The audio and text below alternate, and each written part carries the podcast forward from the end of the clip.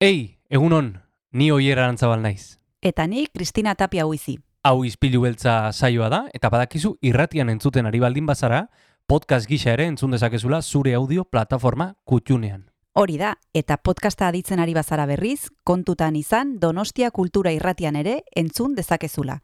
FM eundazazpi puntu lau frekuentzian. Sare sozialetan ere topatuko gaituzu noski, izpilu beltza bilatuta, Instagram, Facebook eta Twitterren. Besterik gabe, guazen gaurko saioarekin. Az gaitezen,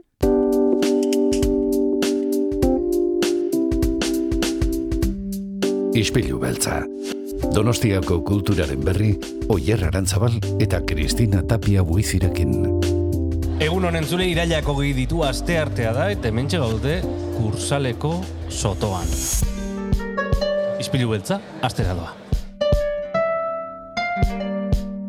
Hementxe gaude Kristina, egunon, egunon, mai hartuta, kafeak eh, dagoeneko... Hartuta ere, bai. Hartuta, eh, behar baino gehiago, beti.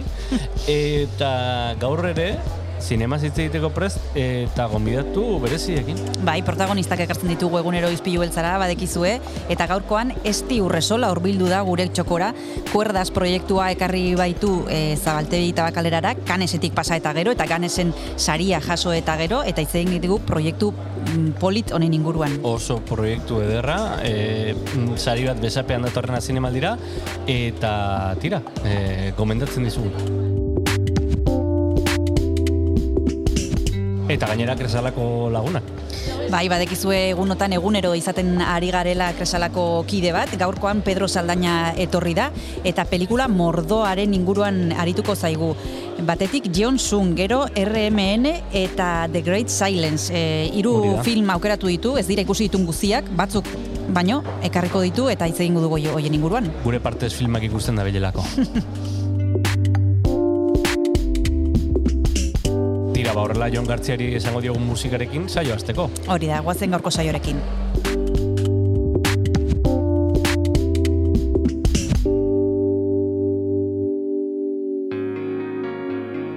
Aste arte hon entzule, guazen gaurko zinemaldi razioan murgiltzera, baina hori baino lehen musika entzungo dugu, ohikoz egiten dugun moduan.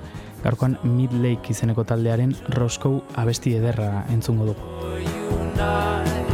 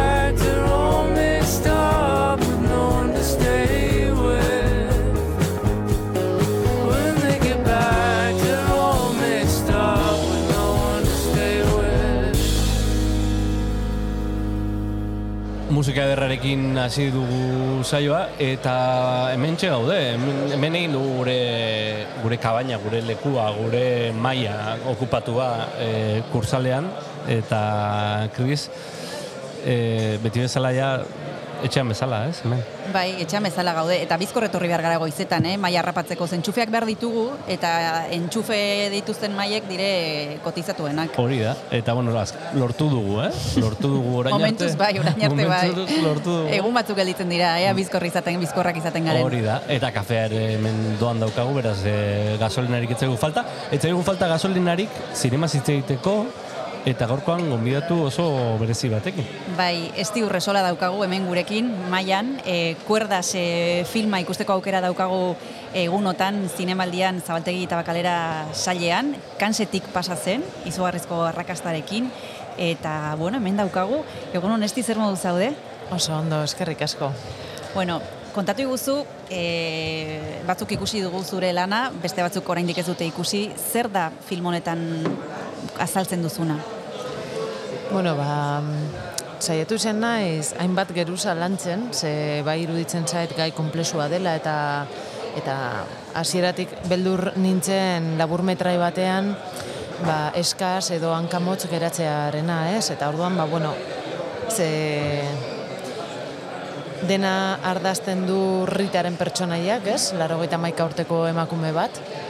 E, berak erabaki bat hartu behar izango du, eta da, ba, bueno, zer egin edo ze punturaino pres dagoen eltzeko, pues, e, parte hartzen duen abesbatzaren bizirautea e, bermatzeko. Abesbatza honek e, diru falta du, ez? Galdu du em, diru laguntza bat e, udalarena eta orduan e, lokalik gabe geratzeko arriskua da, arriskuan daude eta orduan ba, patrozinio bat eltzen zaie patrozinio baterako aukera eta bueno, hor sortzen da zalantza taldearen baitan eta batzuk daude pas, e, em, mm, patrozinio honen jatorria hau da enpresa horren e, dirua onartzearen alde eta beste batzuk e, kontra. Eta hor sortzen da eztabaida hori eta bueno, e, Rita mm, e, pertsonaia hau erdian dago, baina aldi berean badauka bere bizipen propioa etxean, ez? Atentzio ditzen dute gauza askok filmean, e, historia kontatzeko moduak ere, eh, nola bait, baina aktoreek ere bai, ez da? E, Bai. Nolako aktorea, ze aktore txarrak, nola egin duzu kastina, nola lortu duzu... Batez ere Rita, nola lortu duzu? Bueno, gainontzekoak ere bai, baina Bai, denak dira kontua da e, errealitatean oinarritutako historio bat dela, ez? Eta orduan heldu zen momentu bat, non erabaki behar nuen, o, o, eta aldi berean fikzioa oso idatzitakoa da eta oso modu zehatzean e, egin nahi nuen. Orduan hor benetan zalantza izan nuen. Igual benetazko aktorekin egin beharko nuke, ez? Bermatzeko hau guztia egiteko gai izango direla, ze oso, bueno, hogeita bederatzi minutu dira, baina oso kondensatuta dago informazio asko, orduan Baina aldi berean, e, benetazko pertsonekin egiteak, pues, e, ematen zidan, emango lidake e, pues, aut, egiazkotasun hori, ez? Eta da brutala. Eta orduan, ba, bueno, e, sartu ni, elkarrizketa prozesu horretan, joan, joan nintzen ezagutzen emakume asko, eta behin batzuek esan zidaten, jo, bos, han badaude ere San Fuentesen dago e, abesbatza bat, pues, eh, hain zuzen erabaki honetatik pasa behar izan dena, eta baita ere e, muskizen zegoen emakume antzerki talde bat. Eta baita ere, osea, azkenean elkarte guzti horiek, esonalde horretan daudenak, mm, eskainiak izan dira olako e, diru laguntzekin, orduan denek ezagutzen zuten errealitate hori, eta denek mm, maila batean edo bestean e, bizi izan zuten olako eztabaida bat. Eta orduan, gerturatu nintzaienean, e, aurkestera pues, zeintzen nire asmoa, zergatik nahi nuen hau kontatu, eta hasiera batean bereziki abesbatzako taldearekin nahiek esan zidaten, baina gu ez gara aktoresak, gu hori ezin dugu egin, eta eta kasi-kasi modu natural batean hasi ziren beraiek e, nik idatzitan neukan eztabaida berdina sortzen, bir sortzen, eskar guk ezin dugu hori egin, ze gainera, bueno, ze gainera zu alde zaude, baina ni kontra, baina euskez, ja, pentsa, azkenean, iaz, ere, eta, karo, hasi ziren, eta esan nien eskia, ezue, hau besterik ez dut nahi, osea, ez dut eh, aktoresa lanarik, eh, osea, hau, errealidade hau, eh, Ez da bai da hori, ez? Bai, Bai. Ari ziren benetazko papera interpretatzen, ez? Bere egoeratik, e, bere egoera hori izan delako. Eta Bai. nabaritzen da, eh? Nik uste lortu dala benetakotasun bat, ez? Lortu duzula pantailan. Ez du ematen eh, aktoreak direnik, ez direlako aktoreak, ez? Edo, batzuk ez dira, gero badira beste Bai, batzuk, bai. eh, ba, semea eta Bai. hilo, eta biloba eta bueno, beste zenbait eh, bigarren kakotzen artean Mm. mailako pertsonaieak eh, interpretatzeko aktore profesionalak era, Mm. eh, izan ditut eta oso beharrezkoak ere historia aurrera Mm-hmm. Bai. mugiarazteko aukera ematen ziatelako. Pedro Saldainarekin hitz egiteko aukera izan dugu egunotan, eta berak aipatzen zigun, eh, off the record, ez, eh, eh, mikroskampo, eh, nola hasten zen filma, ez? Asko gustatu zaiola eta asko ondo laburtzen duela zure historia kontatzeko modua irudien bidez, hasierak berak, ez? Nola harrita doan eh, leioa zabaltzera eta ikusten dugu fabrika eh, Atzean. atzean e, eta garbitzen hasten da leioa eta hor da no- nola laburtzen duzun filma ez, e, Plan horretan. plan horretan ja? Bai, e, egia da, Michel Gaztan bide, izan nuen ni Hmm. gidoilaria, izan nuen Bai. irakasle zenbait lekutan, hemen Larrotxenen donostin, baita ere Bartzelonan es, eskaken, eta berak beti hitz egiten du eh, una imagen faro, Hmm. ez? Eta da, pues hori, sintetizatuko lukeena historioaren bihotza edo, eta bai, egia da hori badela. Ba orain tarte bat hartuko dugu eta filma hitz egiten jarraitu horretik abesti bat eskatuko dizugu e, tarte honetan entzuteko ez dakit e, azken aldian entzun duzuna e, mm, Gustuko duzun zerbait. Ba, Lourdes hiri ondoren gaua. oso ondo. gaua entzun dezagun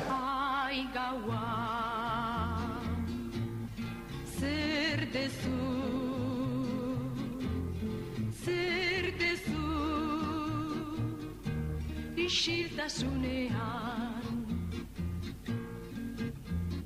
Triste jartzen dezu bihotza Iluntzen diguzu gogoa. Bakardatea Aizeak negar egiten du itxasoa mutu gelditzen da etortzean ai gaua. Zer dezu zer dezu isiltasunean. Zuk oroi arazten nauzu Gu bizi geran mundu hau ere iluna dala Bildur gorroto gaiztakeri eta injustizi triste asko bai badirala ai gaua.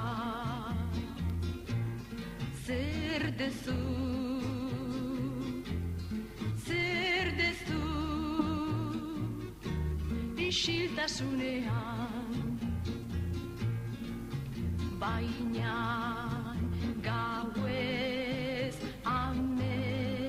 egiten de bihar goizez mundua hobea izango dala.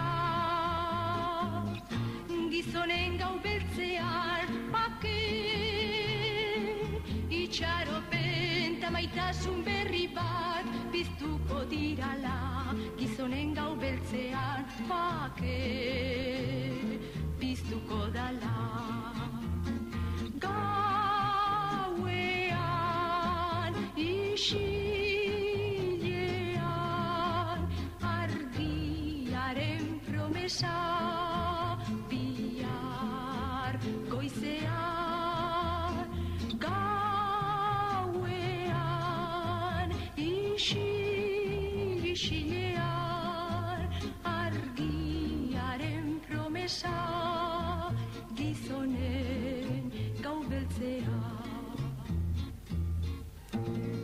Donostia kultura irratian zaude entzule ispilu beltzan badekizu egunotan zinemari buruz hitz egiten ari garela eta protagonistak ditugula hemen eru, egunero egunero. Gaur esti horrezola daukagu gurekin, kuerdas e, pelikula ekarri du zinemaldira, e, kanesen egondakoa ere, zabaltegi eta kaleran lehiatuko da hemen Donostian. Em, errita aipatu dugu eta berarentzat, Begoña Suarezentzat, nola izan da proiektu hontan e, parte hartzea? Mm, Adineko emakume bat da, eta pentsatzen dut ez duela horrelako gauzik egin inoiz. Berak nola bizi izan du gero kadinesera kaneserekoa, eta orain donostikoa, eta bueno, Ba, hasieran Begoña ez zuen mm, eskaintzen nion papera egin nahi, ez? e, bueno, bere, ez, ez paperagatik, baizik eta, bueno, ez zuelako bere burua olako zirkoetan edo e, bere burua hitz egin zezaten, hori e, e, berak ez zuen nahi.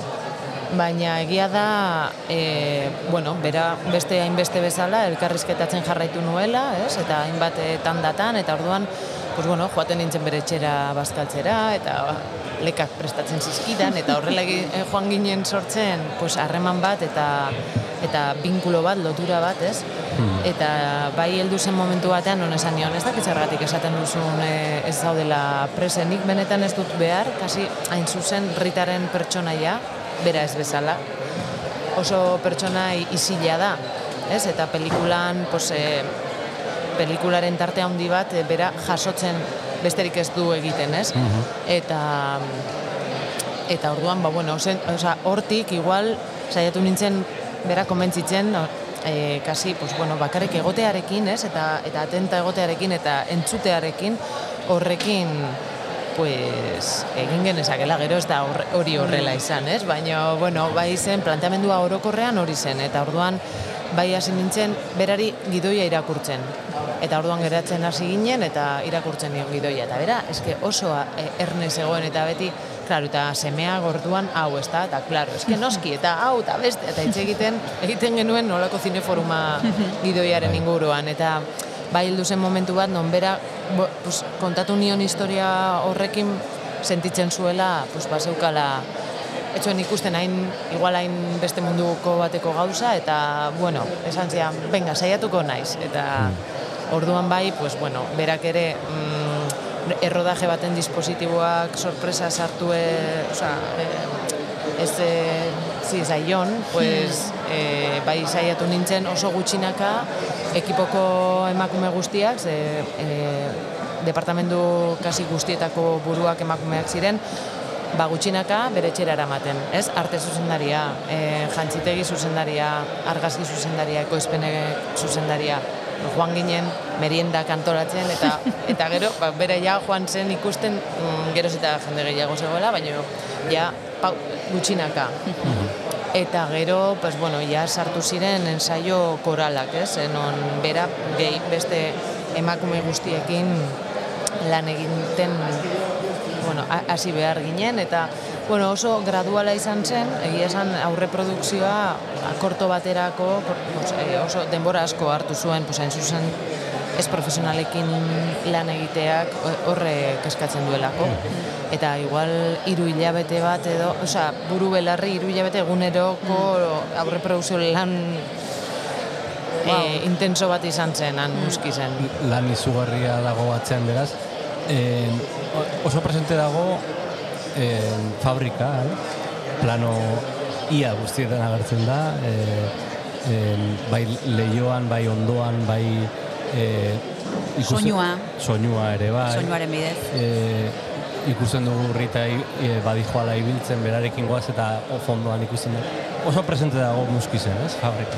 Bai, eta erabat zeharkatzen du esango nuke e, biztanlegoaren bizi esperientzia osoa, al, osea, mm, vertiente ezberdinetatik. Eta justo hori zen ere nahi nuena ez da bakarrik e, presentzia horrek edo kutsadura horrek e, pertsonen osasunarengan sortu dezakenaren inguruko historia, baizik eta baita ere e, sos, mm, gizarte ehundura horren osasunean ere sortu dezakenaren inguruko hausnarketa. Hau da, ez da bakarrik e, el tejido sozial, ez? Nola nola ere kaltetua eta zatitua e, ikus dezakegun ba, hor ondoan teloide fondo horren eraginez.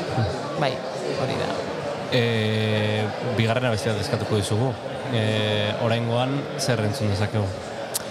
Ba, ba, egia da, azken egunetan abesten egon naizela asko, e, justo laburmetraiarekin batera beste pelikula bate programatu da, ez? E, tabakalerako zabaltegi zailan, eta da diarios, Bai? e, Alfredo Ditelarena. Eta, mm, bueno, kasi-kasi bukaeran, e, badago sekuentzia bat e, nire labur metraiaren kasi-kasi bukaeraren kasi simetrikoa dena, eta orduan, bai, e, la revolución de los claveles e, Portugaleko iraultza ba, azteko lako kode klabe bat, gako bat izan zena, la canción de mm, Vila Morelia, uste dut, ez? Ba, hori, Primera, magoazen entzutera.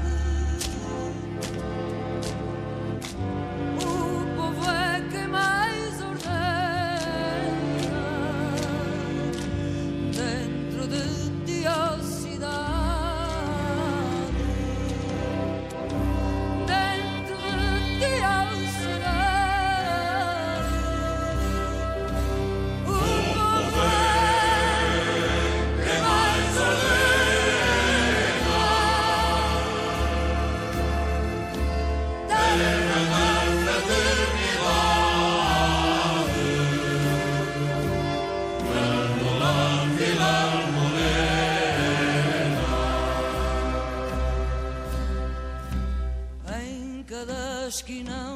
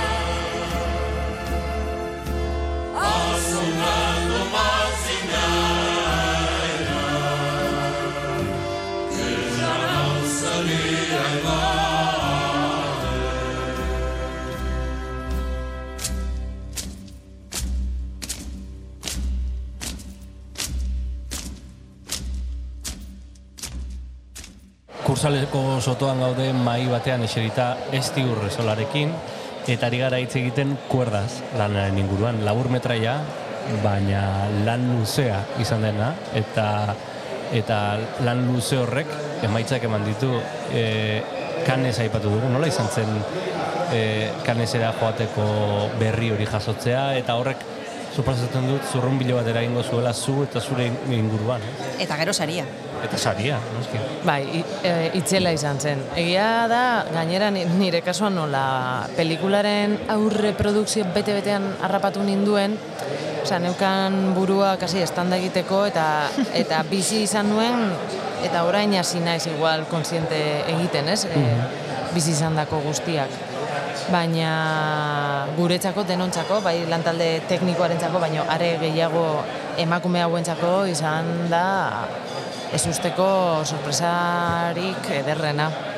Haiek eh, eta bueno, hori izan da ere laburmetraia egiteko gura badago, osea, gura horren oinarrian badago ere realidade horri ba leku bat eta bueno, zabaltzeko aukera ematea, ez? Mm. Zinemak ere horretarako balio du eta pues, olako eskaparate, mundu mailako eskaparate erik handienera heldu izatea, pues, oso oso unkigarria izan zen. E, antolatu genuen haiekin bizipena hau partekatzeko ere, pues, antolatu genuen arabako aldundiari esker, ze haiek eh, pues, bidaitxo hau horrela egiteko dirutxo bat ere eman ziguten eta asko eskertu nahi nien, ba, autobus txiki bat. Eta sartu genuen abesbatzako emakume asko, eta orduan eraman genituen dena karakanesera, eta haiekin bizitzea, baita lurra eman zigun, ez? Ez, eh, ez kaneseko eskenatoki Bai. batean, bai, baino haiekin eta pues, jakinda nondik gatozen eta zeintzuekin. Eta saria. Eta gero saria eramatea, ba, bai, ze da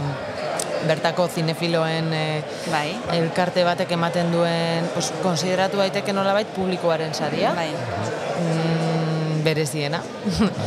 eta eta haiek bai, e, eman ziguten Publikoa aipatu duzu, esti, e, gu ere bagara publikoa, pila bat gustatu zaigu, baina pentsatzen dut egunotan ere ikusiko zenutula, ba, pertsonak, ez, kalekoak, e, esan dizutena zerbait, zure lanaren inguruan, ez dakit ze, zer ari zaren jasotzen, eta nola mm, egiten duzun horren digestioa. Ba, oso polita izaten ari da. Ze, gainera hori, etxe, etxeko jaialdi bat izan da, pues, adibidez, muskizko biztanlego asko etorri da, eta karo, euren mm, buelta, euren iritziak oso importanteak dira niretzako, eta oso onkigarria izan da haiekin hitz egitea. Bestetik, lantalde bueno, jende asko eta eta oso politak izaten ari dira jasotzen ari garen e, iritziak. Hori beti indarra ematen dizu, ez? Beste olako planteamendu soro batean sartzeko kasi gogoak eh, ematen dizkizuna, eh? E, Pedro Saldaña bota digu. Kresalako, Bai. Kresala Zineklubeko kideak. Kideak bota digu amua. Egia da, e, ate handitik sartu zaretela zinemaldian, ez? Bertako festival e, e, bueno, e, ikurra da zinemaldia, baina etorri zarete kaneseko sariarekin besapean, ez? Eta hori ederra agian luze metraia balitz perla katalean joango litzateke. E, Pedro Saldaña bota digu, e, ea noiz egiten duen luze bat. E, bota digu. bueno, ba, bukatu berri dut errodaia oraintxe abuztuan. 20.000 especies de abejas eta orain hasi gara montatzen, baino pff, batek daki, gero hori loteria bada benetan ez dakigu. 20.000 especies de abeja. Bai, bai. Oda historio bat, ba, Luziaren inguruan, e, Luzia da hiru seme alabetatik txikiena, naiz eta e, familiako kide guztiek e, aitor deitzen dute, kide guztiek e, mutil bat bezala irakurtzen dute, baina bera neska bat da, eta momentura arte ez dakit nola adierazi nola saldu bizi duen e, kon, kontraesan hori, ez? Ze Ez daki posible ote den edo ez, bera horrela sentitzea, eta bueno, uda honetan, uda honen baitan, ba, ba, lortuko du ditu erramintak edo behintzak indarra, ba, bere familiari e, zein den adierazteko bai, pues ez dakit non- hasi dudan esaldia, eta orduan ez dakit nola bukatu, baino kontua da hori, ez? E, adieraziko diola familiari zein den benetan, eta azkenean historiaren, osea, edo nire gura izan da, e, olako identidadearen adierazpen batek nola gainontzekoen identidadeetan ere nola eragin dezakeen, ez? Eta ze, azkenean familia denoi gure identitatearen eraikuntza prozesuan bestearen begiradak e, ikaragarri e, eragiten digun zerbait da, ispiluen kontu bat da hor, eta familiaren baitan e, hartzen ditu bere errorik e, sakonenak, eta orduan pues, bai azaldu edo adierazina izan dudala familia, familiaren baitako e, transformatze kolektibo prozesu bat, nola bait. Bueno, ba, horren zain egongo Horren gara, zain ez di? gara, Bai, bai. e, Eta, eta Espero bueno, dugu hemen ikustea, edo beste non baiten, e, ba, bueno, gu ere kanesera egoteko preste, oier? Dudarik gabe. Edo Berlinera, edo Veneziara. Abaita ni ere, eh? Prez nengoke ere. Oso ondo, ba, elkarrekin joango gara. Eh, azteko gure telefonoa ez, eh, ez ezabatu zure zerrendatik, gero ezaguna zarenean ere, ba, guke deitu alizateko. Noski baietz. Ezagunagoa edo, ja, eh? eh Eskerrik asko. Disfrutatu pila bat, Bai. kuerdasekin, Bai. eta, eta sorte hon urrengo proiektuetan. Esker, Eskerrik asko. zuei, esartea bat.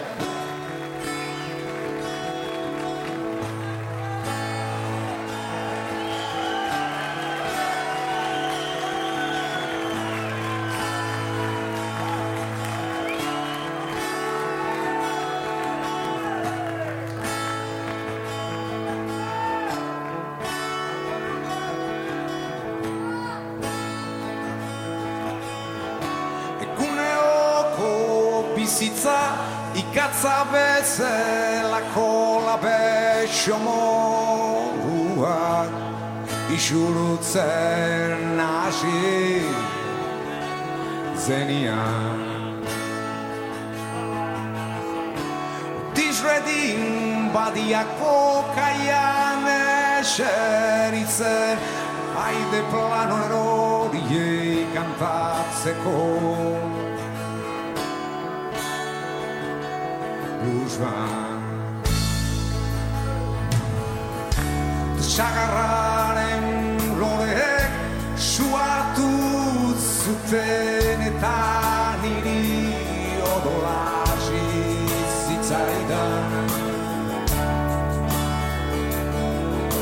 Sudurretatik Baldosa xuiko komuna publikota pornografia irakurtzen hain nintzenian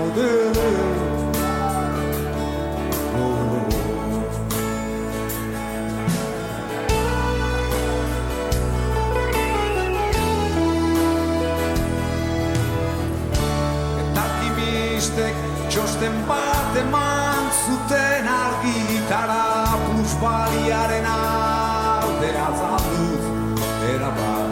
Eta errestaurantetik bi homosexual bota zituzten arrazoi komertzialak. Zirela merillo zirela merillo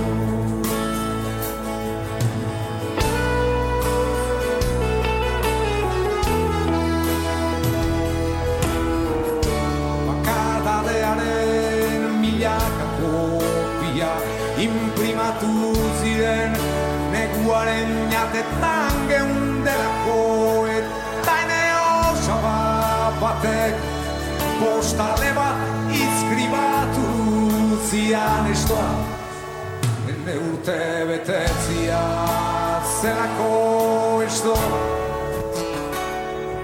Ilopa Eta bide batez bere seguru etxia konseiatu nahi zidalako Inoiz ez da jakiten hoi Eta ene jozita Kopreza poreko maitasunez Gauaren erdian Gauaren erdian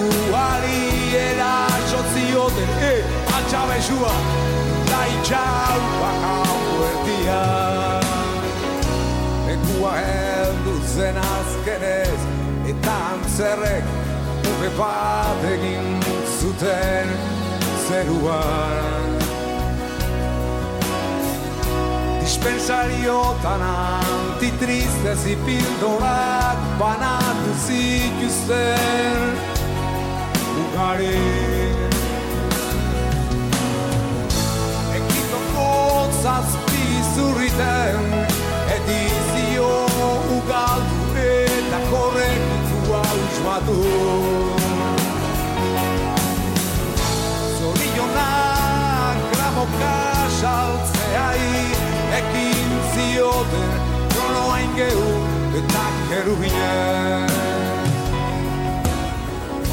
Virtute kardinalek Igotze desnaturala eman zuten Erromako boltsa Mila liburu erregalatu zituzten bankuen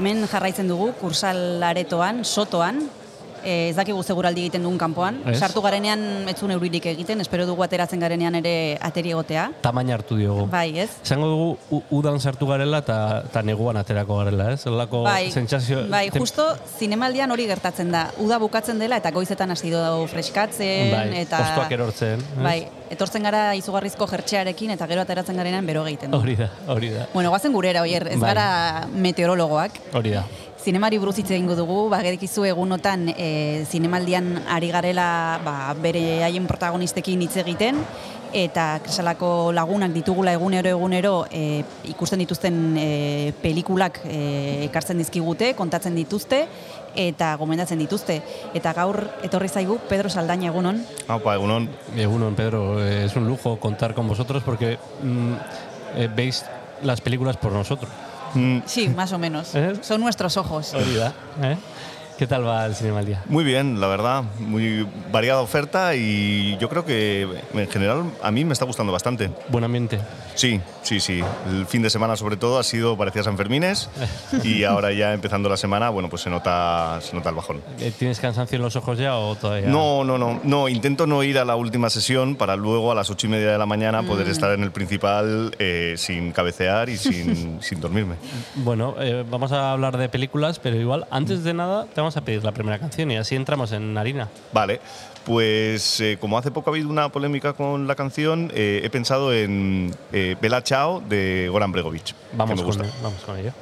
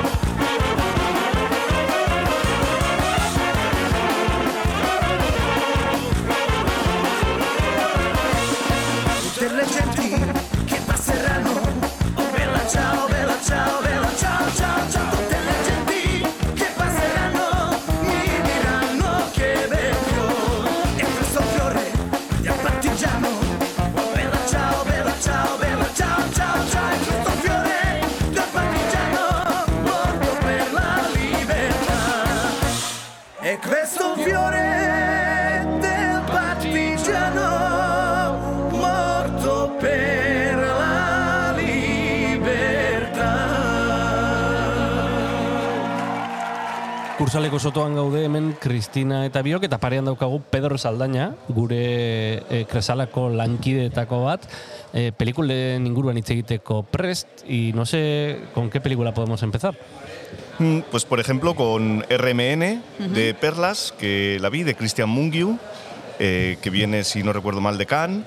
Eh, una película bueno, bastante interesante sobre mm, eh, conflictos eh, xenófobos. En- es un, un personaje rumano que reside en Alemania, está trabajando allí y al principio de la película eh, bueno, le, le insultan, le dicen eh, puto gitano vago o algo así, él se enfada y arremete contra, contra su jefe y se vuelve a su casa. Y cuando vuelve a Rumanía, a- creo que es- transcurre en la zona de Transilvania, eh, em- hay también ahí una especie de conflictos xenófobos porque hay una empresa que para conseguir unos fondos europeos necesita contratar eh, gente eh, pagándole el salario mínimo. La mayoría de la gente de allí no quiere cobrar el salario mínimo, entonces traen a tres eh, trabajadores de Sri Lanka.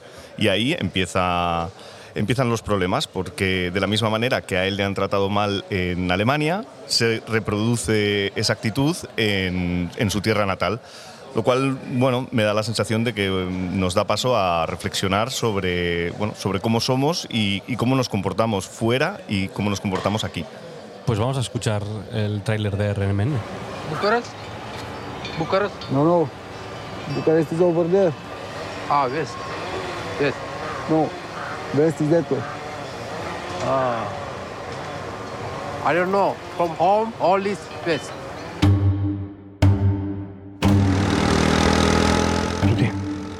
Acasă și n-ai de ce să mai fie frică.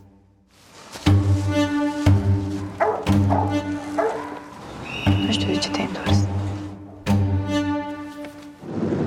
E ceva de muncă? Nu prea. Auzi tu tot acolo stai? Toată lumea e plecată. Eu găsești om la orice. Zile tata ce ai văzut. Ceva rău, zice. Am ceva rău.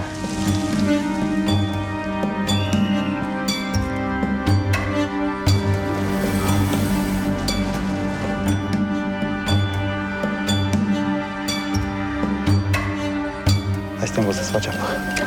Nu e greu. N-am mai trebuie ceva ca să supraviețuiești. Tu trebuie să nu-ți fie milă. Cei care le-ai milă mor primii și vreau tu să mor ultimul. Zinemari buruz hitz egiten ari gara gaur Pedro Saldañarekin, berak ikusi duen pelikulak izena du RMN, Christian Mungiuk zuzendutakoa, Rumania, Rumaniako zuzendaria, zuzendari ospetsua, eh, un director que tiene ya la palma de oro por cuatro meses, tres semanas y dos días, por ejemplo, Ujú. con una trayectoria, podríamos decir, ya muy interesante. ¿Esta película está a la altura de sus trabajos anteriores, en tu opinión, Pedro? Sí, en mi opinión eh, eh, es una película, eh, no, es, no es corta, dura dos horas y, y poco, pero es una película que mm, me da la sensación, y tiene incluso momentos de comedia también, hay un momento en el que todo el pueblo se reúne en la iglesia para discutir si hay que echar o no hay que echar a los inmigrantes, a estos chicos de Sri Lanka. Y sí, sí que me da la sensación, hombre, no, no sé si como para ganar la Palma de Oro, pero eh, desde luego sí que es una película eh, que yo creo que está muy bien y, y sobre todo trata un tema que yo creo que es realmente interesante y sobre el que se tiene que hablar. Bueno, es un tema de radiante actualidad ahora en- Mm. con lo que está pasando en Suecia, eh, eh, con la creciente xenofobia en, en ciertas pa- partes de Europa, también en, en el Estado español. Eh, si quieres, saltamos de película. ¿Vamos a otra película? Venga. Eh, ¿Con qué película podemos eh, seguir? Eh, pues si queréis, Jong Seun. Eh, Jong Seun es un- una película coreana que, que vi, que me gustó bastante. De hecho, eh, al final de la película la actriz se llevó una calurosa ovación. Estaba, estaba presentando la película, hubo coloquio también. Una película muy interesante sobre la privacidad. Es una, una chica, una señora eh, de unos entre 40 y 50 años que bueno, pues tiene un trabajo en, una empresa, en una, en una fábrica y eh, hay un momento en el que bueno, pues tiene un affair con un compañero de trabajo y este compañero de trabajo le graba un vídeo bueno, pues de carácter íntimo que luego comparte con, con el resto de la plantilla. Y ahí empiezan los problemas, el mundo de esta chica se, se- se va desmoronando, eh, tiene una hija también, y eh, es una película bastante interesante, sobre todo porque trata el tema desde el punto de vista de alguien que ya ha pasado los 40 años, cuando normalmente este suele ser un tema, pues de, por decirlo de alguna manera, de, de millennials, Sí. para que nos entendamos. Me acuerdo de Intimidad, que también eh, la serie de- eh, producida por Chinchua Films también. Sí, que hemos visto en Netflix, Sí. eh, protagonizada por Itziar Ituño, un poco... La temática, La temática es, es la similar, misma. sí. Vale, no, no- Sí. no la he visto. Sí, bueno, y Pedro Saldaña también nos habló eh, hace unos días de esta misma película y A Paul, también sí. Pa- bueno, Pedro, Pedro Saldaña, Paul Ormaechea, Sí. Pedro Saldaña está aquí con nosotros. Sí, y, mm, y eso, decías tú te- que lo interesante en esta película es que la protagonista ya eh, está en la cuarentena, cosa que mm, ligamos el asunto de las redes sociales a los adolescentes muchas veces, ¿no? Sí, y también me da la sensación, y yo creo que también ha ocurrido en el cine, que a partir de cierta edad, bueno, esto lo han dicho mucho, por ejemplo, las actrices, también los actores, pero sobre todo las actrices de Hollywood, a, par- a partir de cierta edad te ofrecen una clase de papeles, bueno, pues que normalmente ya son pues de ancianita en el asilo y que le van a visitar sus hijos, cuando, bueno, pues puede ser... eh, Quiero decir, ho- hoy en día eh, creo que las cosas han han cambiado bastante. Yo creo que ya antes también habían cambiado, pero eh, yo creo que es muy interesante cómo aborda el tema. Eh, ya digo, una película además de, de nuevos directores. Es Sí. una película sencilla que no, que no pretende nada más. Pero que tanto a Paul, yo hablé con él también de, la película, tanto a él como a mí nos gustó bastante. Te pregunto siempre por lo mismo, Pedro, a todos vosotros os pregunto muchas veces por esto, pero cuando una película eh, procede, como en este caso de Corea del Sur, que nos pilla justo al otro lado del hemisferio, eh, aunque la temática nos es común totalmente, eh, cuando se cuenta desde un punto de vista que nos es lejano geográficamente, también nos podemos sentir identificados, nos llega igual. Sí, yo creo que eh, además eh, en ese sentido el, el lenguaje cinematográfico ayuda, quiero decir, un primer plano es un primer plano en, en Europa y, y en Asia. Sí que es verdad que sobre todo lo que son las costumbres y cómo se comportan, o sea, yo creo que tiene más que ver igual con, con el guion, eh, con cuáles son los usos y costumbres eh, que pueden diferir bastante de, de cómo vivimos aquí. Eh, por lo demás, yo creo que en general es un cine bastante sencillo de ver. Es que todo eso luego tiene también que ver con si estira mucho el tiempo, por ejemplo, o sea, si, si se te hace pesado, que puede tener su intención, que se, te, que se te haga pesado por parte del director o directora. Pero en ese sentido, bueno, yo por lo menos las que he visto, porque he visto también alguna otra coreana, eh, mm, sin ningún tipo de problema. O sea, eh, son películas eh, que no las, mm, no las entiendo muy distinto. O sea, eh, entiendo muy distinto eh, cómo se comportan y, y cuando van a comer. Hay una cosa que me encanta en las películas coreanas y es que muchas veces en las mesas tienen una especie de fogones en la mesa donde estás comiendo. Y mientras se está haciendo ahí la comida y además suena y sube un humito. Y no sé, a mí se me hace muy raro porque además en esta película hay un momento en el que están en un merendero y en el merendero tienen, tienen eso y eh, Claro, aquí pues pides unos huevos fritos con patatas, no tienes el pollo ahí haciéndose y un cuenquito de arroz al lado. Entonces, en ese sentido sí que, eh, o sea, eh, nos muestran sus usos y costumbres, pero la- a la hora de narrarlo yo creo que es, vamos, igual que aquí. Bueno, el cine nos permite viajar, eh, entre otras cosas, y, y conocer otras culturas a través de, de historias que, que también suceden aquí, ¿no? Eh, quizá escuchamos el, el, el tráiler eh, de Jeong Sun.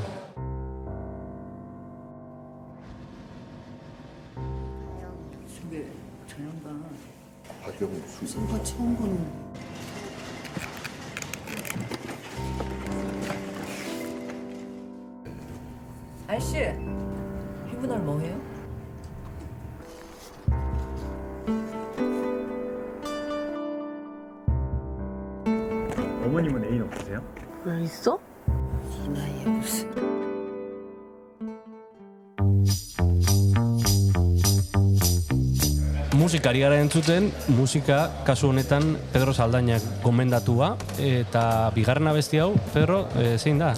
Eh, Little Green Bag de la banda sonora de Reservoir Dogs. Ba, guazen entzutera.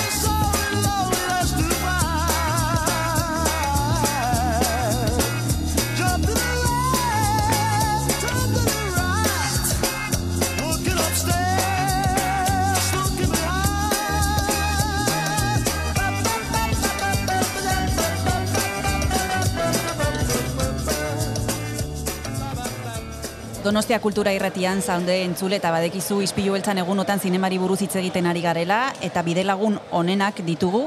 Aste hontan, amar egunotan, Kresala Zineklubeko lagunak, gaur gurekin daukagu Pedro Saldaña. Acabamos de hablar de una película coreana que podemos ver en nuevos directores y ahora nos vas a hablar de The Great Silence, una película que también está en nuevos directores. ¿Qué nos puedes contar? Bueno, eh, una película bastante interesante. eh, una, una chica, la protagonista, Silje, se llama, eh, decide bueno, convertirse en monja porque eh, a lo largo de la película vamos a ir entendiendo que algo ha ocurrido en su pasado que le ha hecho eh, dar ese paso y, y- y abrazar a Dios, o bueno, como, como se diga, eh, o a Jesús. Y bueno, y en estas aparece el hermano para eh, de alguna manera intentar cerrar las heridas que, que siguen sin cerrar. Y a partir de ahí empieza una película que en algún momento eh, mm, tiene como cierto toque de, thriller por bueno, pues cosas que han, que han ocurrido en el pasado y que bueno, a mí me parece una película bastante interesante. Eh, Catherine Brooks, eh, el problema o las cosas que eh, pasa con la sección Nuevos Directores, el otro día lo hablábamos con Paul también, es que no hay muchas referencias con respecto a los directores y a las directoras, porque, bueno, pues por eso están en Nuevos Directores. ¿Te ha gustado la forma de dirigir de, de esta mujer danesa? Sí, mucho. La, tanto la manera de dirigir también como la fotografía, como el casting. Eh, me da la sensación de que los actores están súper bien elegidos, tanto ella, Silje, la, la protagonista, como el resto de monjas que componen eh, bueno, la- las monjas de- del convento, como también el hermano. Eh, son personajes que tienen, que tienen mucha fuerza y, y- y de los que estás pendiente. Eh, Es una de estas películas, como muchas ya de las que he visto este año, eh, en la que siempre están ocurriendo cosas. Quiero decir que no hay, no hay pequeños tiempos muertos o largos tiempos muertos, sino que constantemente está haciendo avanzar la trama para que entiendas eh, eh, todo ese pasado. Hay algún momento de flashback también en el que vemos qué es exactamente lo que ocurrió, etcétera. Y luego, sobre todo para mí, la luz. Tiene un par de momentos, fotográficamente hablando, que son muy interesantes, en los que iguala el, el pasado y el presente. Eh, eh, digamos, imagínate que tú has hecho algo muy malo en el pasado y estaba iluminado de rojo. eh, y pasamos al presente y tú estás iluminada de rojo en ese momento. Entonces, digamos que el pasado vuelve al presente y en, es- en ese presente estás pensando en la- aquello que ocurrió. Y tiene esta clase de, de juegos que, bueno, yo creo que cinematográficamente son muy, muy interesantes. Ayudan a la narración. de- Exacto, sí, entiendes perfectamente, entiendes perfectamente que en este momento ella está recordando aquello. Mm. No solo porque acaba de haber un flashback, sino porque la luz se iguala en los dos momentos. Bueno, la luz no la podemos compartir con los oyentes, Mm. pero sí podemos compartir los sonidos, que es lo que hacemos aquí. Vamos a escuchar el tráiler de esta película y volvemos ahora mismo. Hold hånden over ham, Gud. Og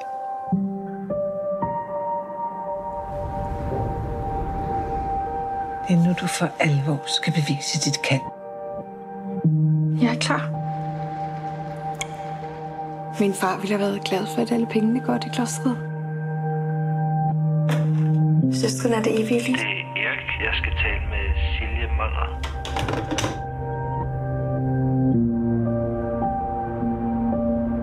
Er den ikke flot? Søster Alma, du har en gæst. Skal du giftes med Jesus? Hvad er det, du vil? Jeg har givet pengene til klostret. Det er også mine penge. Jeg kan ikke gøre for, at far laver et testament på den måde. Jamen, jeg begriber ikke, du laver mor. Det er hendes bror. Det er mærkeligt, ikke? Man kan blive så forskellig, når man er søskende. Så kom Isak. Vores lillebror. Izpilo beltzan zaude entzule eta oraintxe entzun dugu The Great Silenceen trailerra, e, Pedro Saldainak hitz egin digu zuzendari berrietan dagoen pelikula honen inguruan. E, hiru pelikula aukeratu ditu, bueno, pila bat ikusi ditu, ze ezin gara hemen egon e, ikusi dituen guztien inguruan e, hitz egiten, baina e, etorriko da beste behin e, gurekin hitz egitera, seguru nago. Eta izango dugu aukera e, pelikula gehiagoren inguruan Hori da, baina gaurkoz Hori da. nahikoa. Nahikoa, ne- esplotatu zaitugu, Pedro. Eta The Great Silence-ekin kontrastean hemen daukagun burrun badare bai. Bai, hori da. Eskerrik asko, Pedro Saldaña, y hasta la próxima. Vale, gracias. Agur, agur.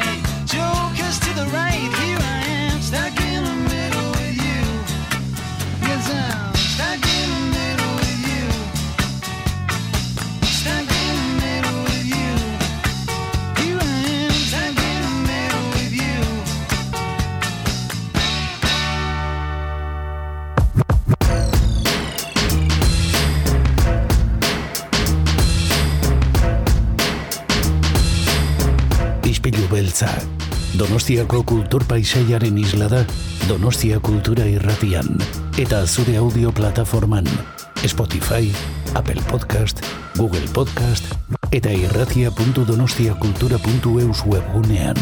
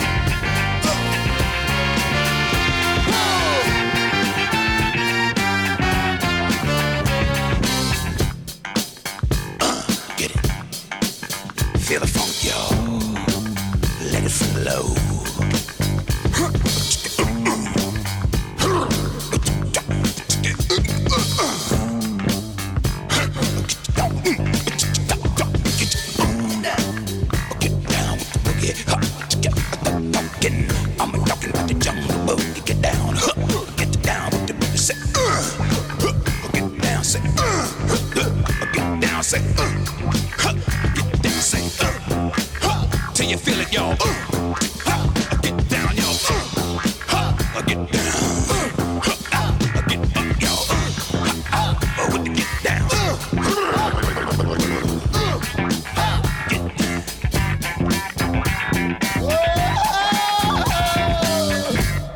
Amaitu dugu aste artea, amaitu dugu irailaren hogeia, baina bihar asteazkena hemen izango gara berriz ere kursaleko soto honetan burrumbaren erdian, Chris. Eta bihar izango dugu sail ofizialean lehiatuko den Fernando Franco, la consagración de la primavera ekarriko du zinemaldira, eta gainera Kresala ziniklueko Ana Pinel izango dugu. Bueno, e, luxu bat da eh, zinemaz dakien jendearekin, zinemagileekin egotea, eh, eta badakizu hemen ispilu beltzean Donostia kultura irratian, zinemaldia jarraitu dezakezula. Batetik e, bai e, zinemagile protagonistak entzunaz, eta nola ez, kresalaren laguntzaz, ba bueno, e, sail ofizialeko, e, zuzendari berretako pelikulak deskubrituz. Aukera hori ematen dugu, mm, FM 1.6.0 frekuentzian, eta nahieran, e, dozein audio plataformatan. Hori da, gu bihar itzuliko gara. Bihar arte. Aio.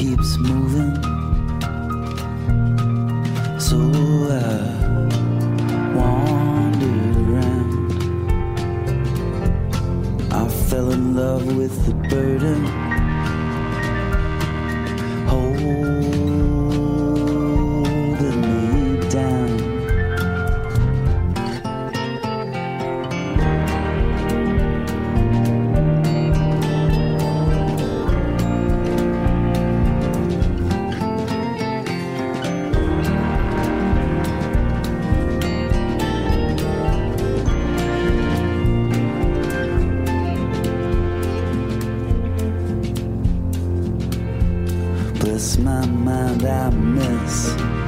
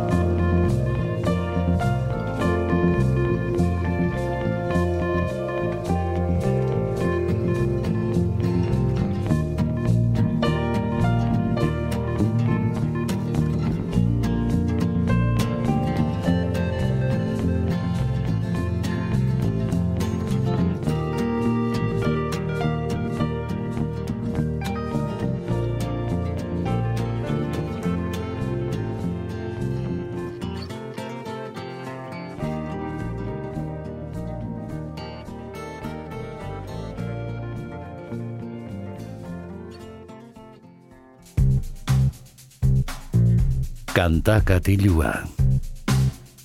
Jon Gartziaren eskutik.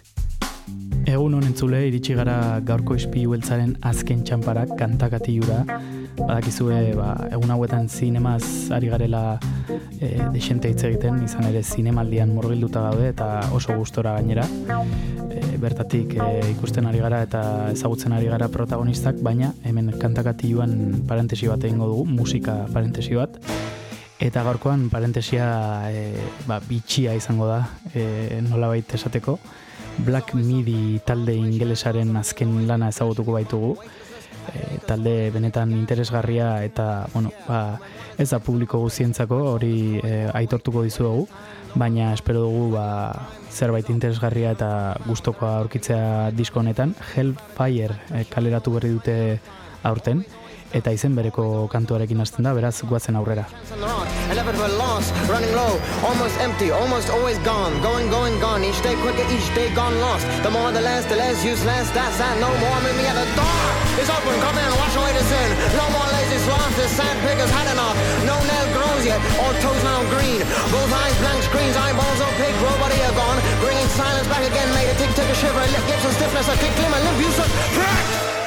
No need, when stiff, useless, when needed, limp. Of the hideous thing, gets it right in the classroom, but wrong in the examination hall. One uses that, damn it all, useless thing. All machines designed after it, all worse, none better, i.e. all shit. None work forever, none work committed, worse with every use, always chasing the first, always chasing the free, always chasing decency. Never adequate enough. Enough, enough. Come in, come in. Thank you.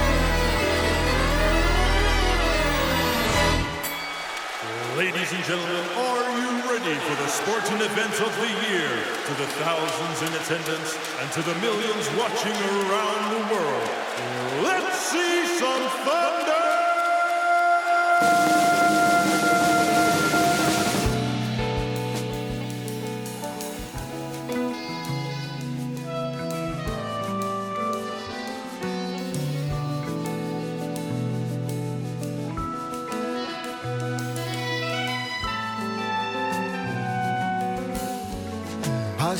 Posterity will show me to be the greatest the world has ever seen, a genius among non-entities.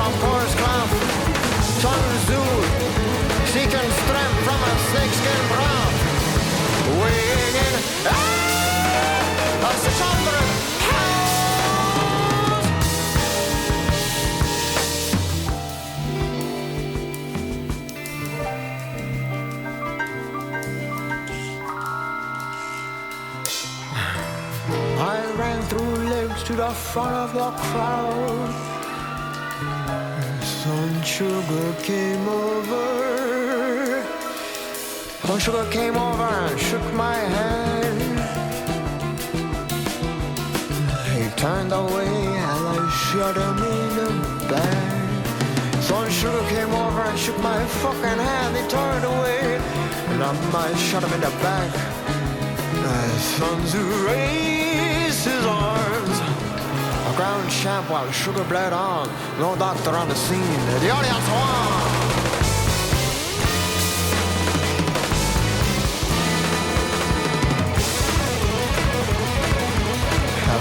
how the sinners thrive. She's been reading her letters of a million wives. Some sure came would have shit without me. The youngest executioner in tabloid memory.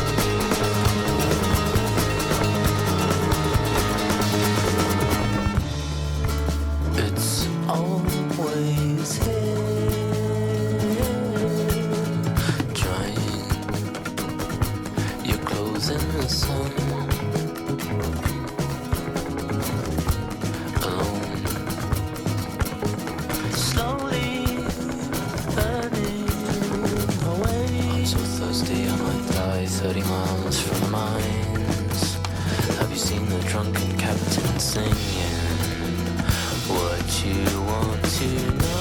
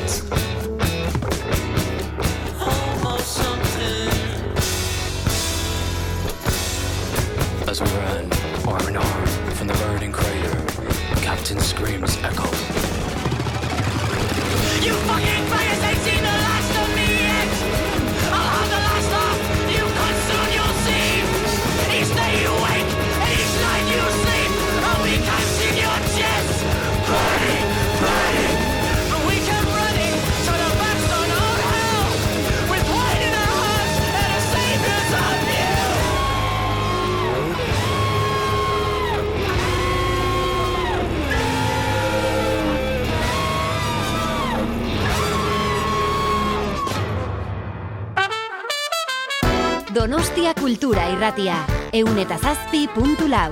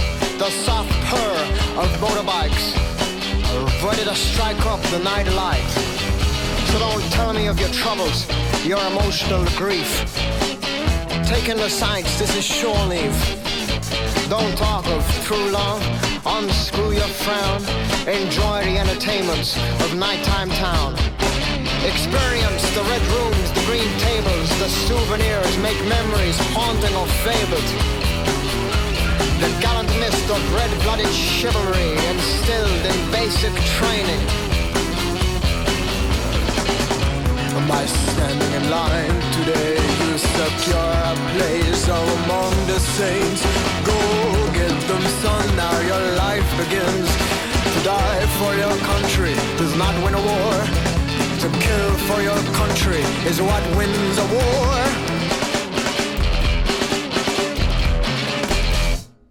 Tell your name, don't ask for hers. In this land of oysters, you are the world. The painless plainness of military life resumes tomorrow night.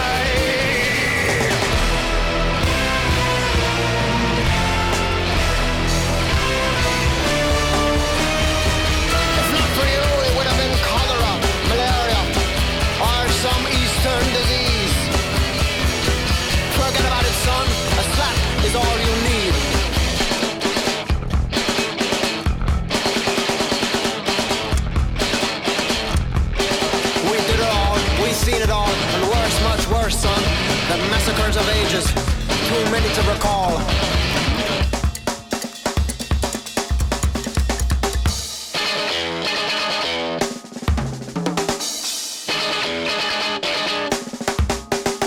Limbs rendered birds by the speed they flew off. A soup nothingness that once was your best friend.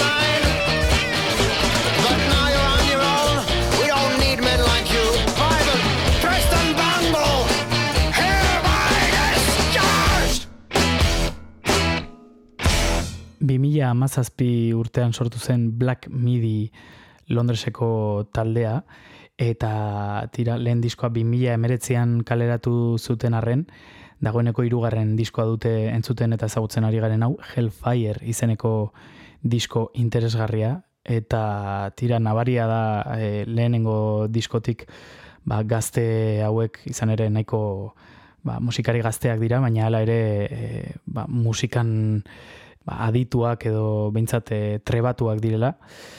Eta jarraitzen dute hori erakusten azken disko honetan. Guazen e, entzuten eta ezagutzen jarraitzera proposamen bitxi hau e, bueno, nola baita esateko bitxia. Eta entzungo dugu urrengo abestia. Hau da Still that only fool try and stay.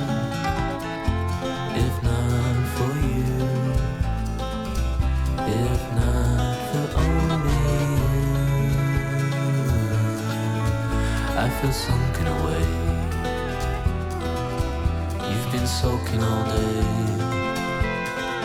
I've just been sunk in the bay.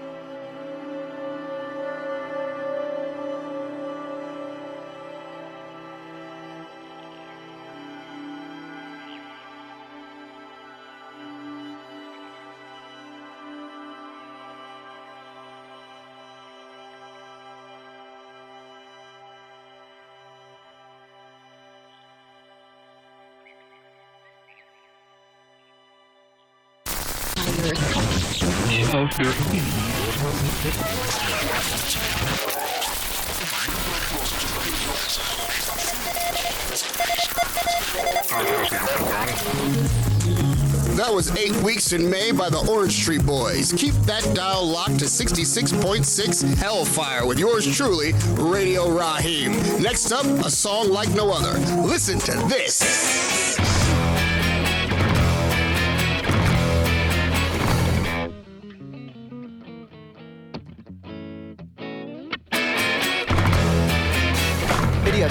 And thinking men are numbered. Don't kid yourself, this is the news. Let's start with Tristan Bongo, alone of the race, conscription calling his name. One more night of freedom, and the air is high up atop the stands.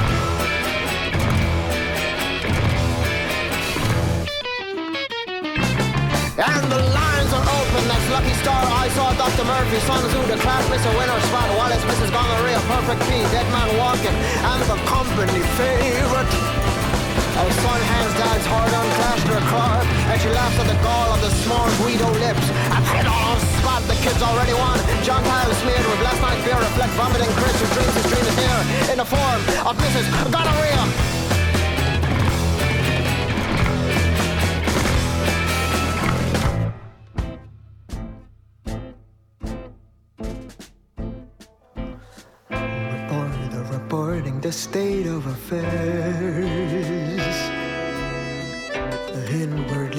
Asks of his prime time hair.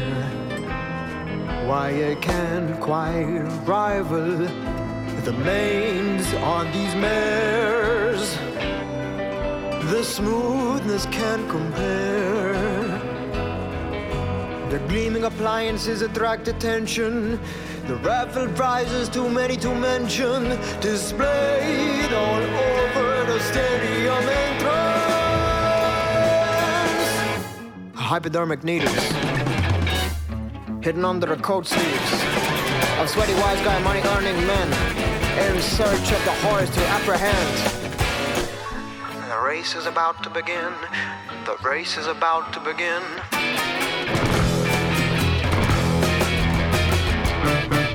Blondie locked in four eyes arms, squirming like a dying fish.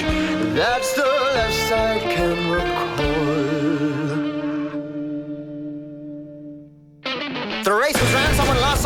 Came and I stayed the same ever since. Outside, the freaks of the wilderness, open in spring. The time before time was a time to sing. Unidentified songs surging through the brush. Transcription futile, let alone a rush. You miss when hunch and scribbling notes. Here no journalism is ever involved. Despite the attempts of doctors and saints, none of recorded his heavenly grace. But I stayed and stayed and stayed. That race ran 30 years back, each day since the same.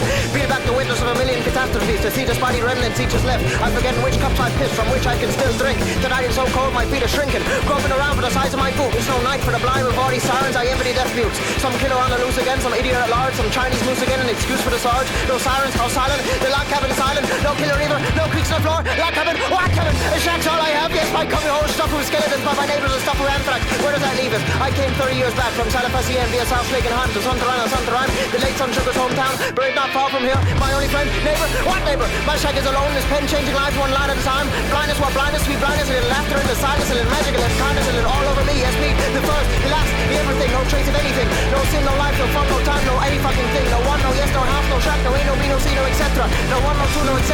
No school, no life, no work, no time, no book, no art, no book, no truth, no use, no friend. No, no, no, not, no hole, no work, no end, no wheel, no fate. No of this useless nameless land. No exodus, nothing nonsense, no song. No day set for my saviors arrive. They carry me far, across green waters, above the sky, below the depths, among the white clouds, the red step, or to fly forever in between ends, or in between in betweens, or in between no between. Or no nothing, no savior, no journey, no end. A thousand years of no nothing, hiding from nothing. No reason to hide sins, no reason not to sin. No reason to pretend, no reason to pretend. There is not no reason. Oh yes, bloody ran out of track fries, got stuck in a rail. A reporter was caught getting sweaty in the stable. Bloody got fries, got with gun, caught gun, Chris gone, Chris among the man and liver. Chris among the never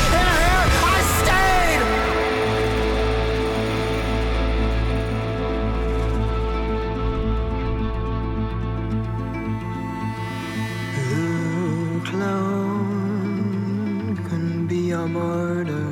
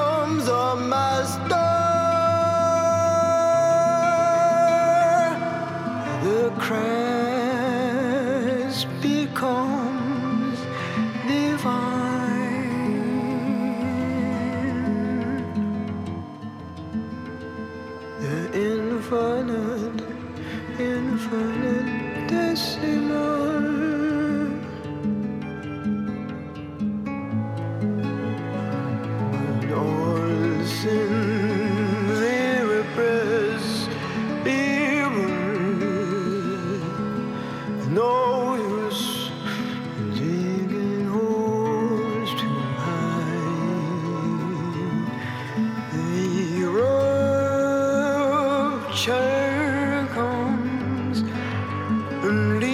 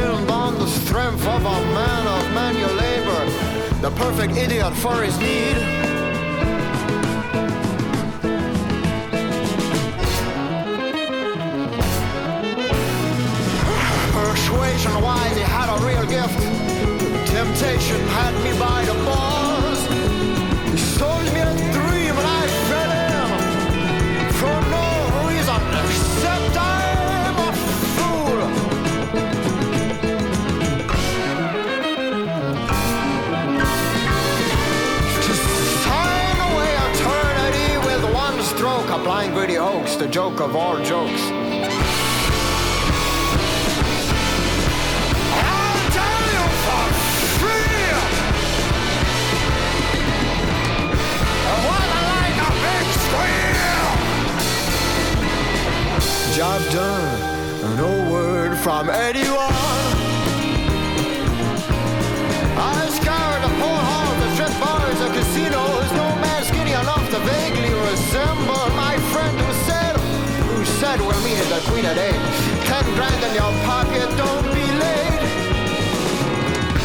son of the black clad gangman.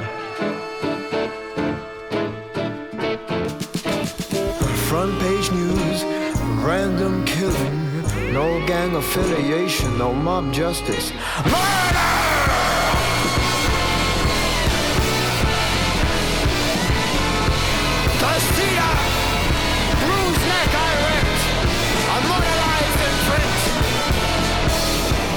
circle open from the black and white picture my search for that face was complete. Climbed out the page and shed his skin, revealing the Red King. This was no mafioso, this was Satan himself, through evil, the stench of an unknowable wealth. You're coming with me, son, the cries, anguish, torment, the shame, pain, heartache, suffering,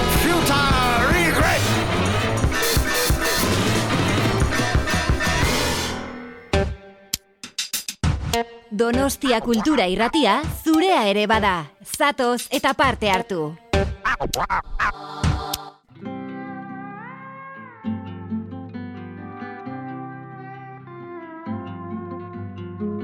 When crowds form out doorways and the street lamps are lit, one of my disciples begins his wandering. In the alleys, in the main streets, he searches for men. The virile, pathetic, and lame. Leading them in to our establishment, he starts to cry.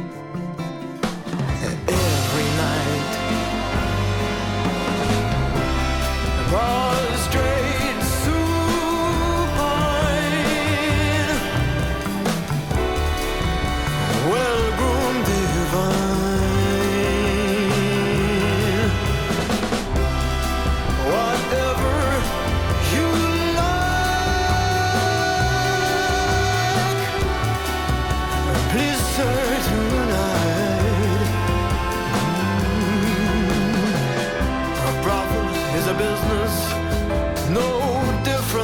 bank, as safe and as formal and sanitary.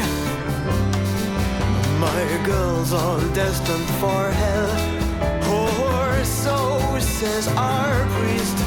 But find me a Christian who spends as much time on their knees, closer to God.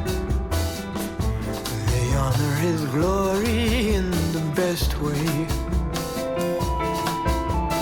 Every day.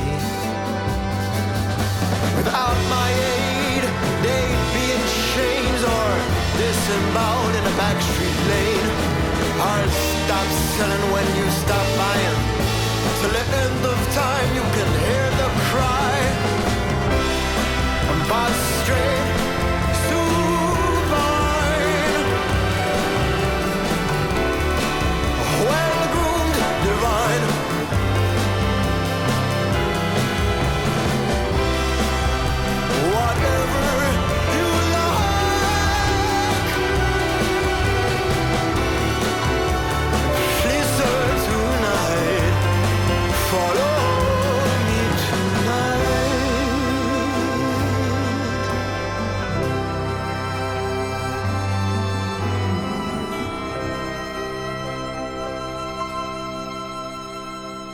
Ba, amaitu dugu garko saioa eta amaitu dugu kantakatioa, entzun dugu Black Midi Londreseko talde gaztearen Hellfire azken disko interesgarria.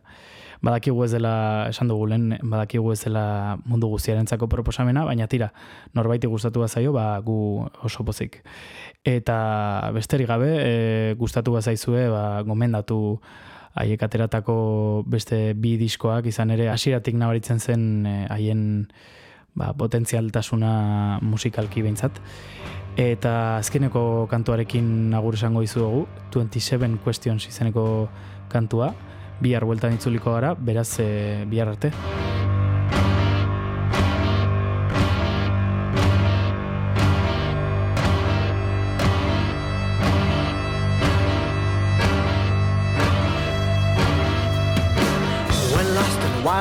There is nothing you can do. When lost in city rain, there is something you can do. Take refuge wherever is marked admission free, as we did one night back in late 43. I'd never seen a man on the poster before, but my friend said he was a big star before the war.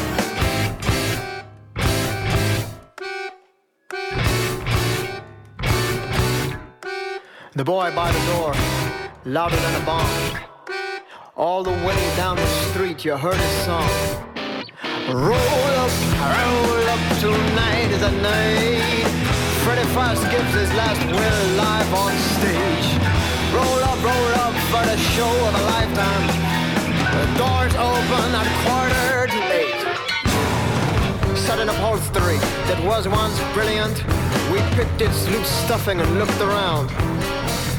There were duchesses and dukes, and beggars and pimps, all sat side by side to watch his last grasp at life. The grand centerpiece was a gold green sarcophagus, flanked either side by oil-painted pictures of the man, first of all a film, to explain his lifelong dream. Afterward, the music started, and a young girl ran on with operatic screams.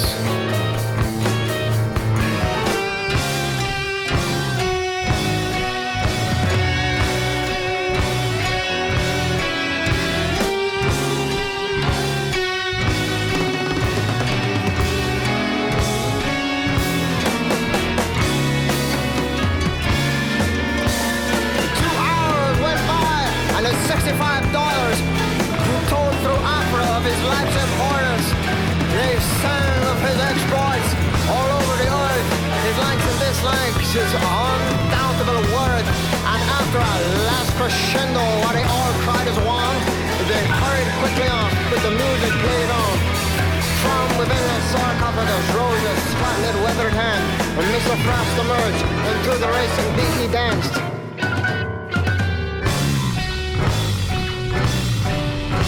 With the vital energy of a newborn ship. he spun and he spun and he spun and he spun and spun.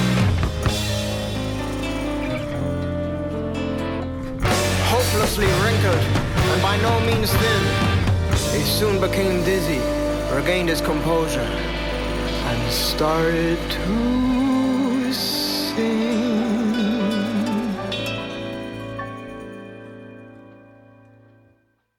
Thank you for listening. I won't be too long. Just 27 questions to finish this song. Does there exist a marriage that can survive castration?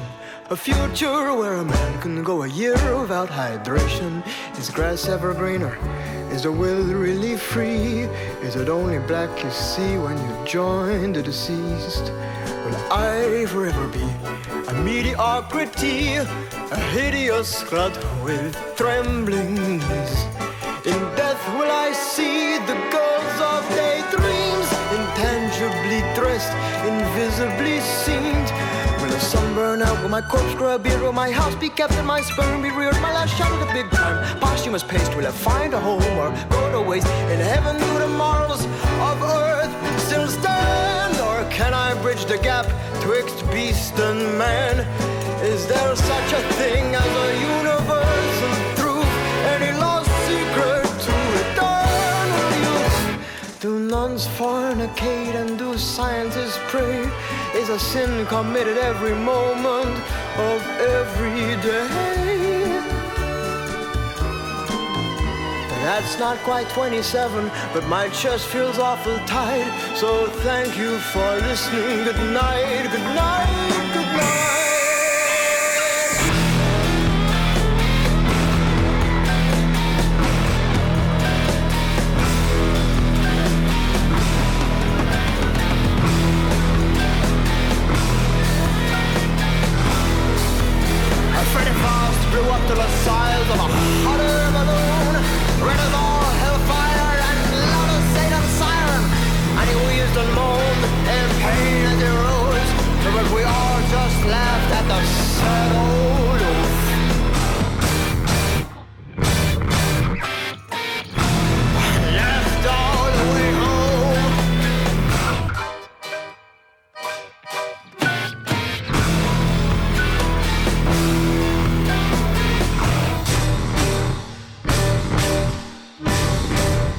Ispilu beltza podcasta entzungai duzu irratia.donostiakultura.eus webgunean, Spotify, Apple Podcasten, Google Podcasten edo zure audio plataforma kutxunenean.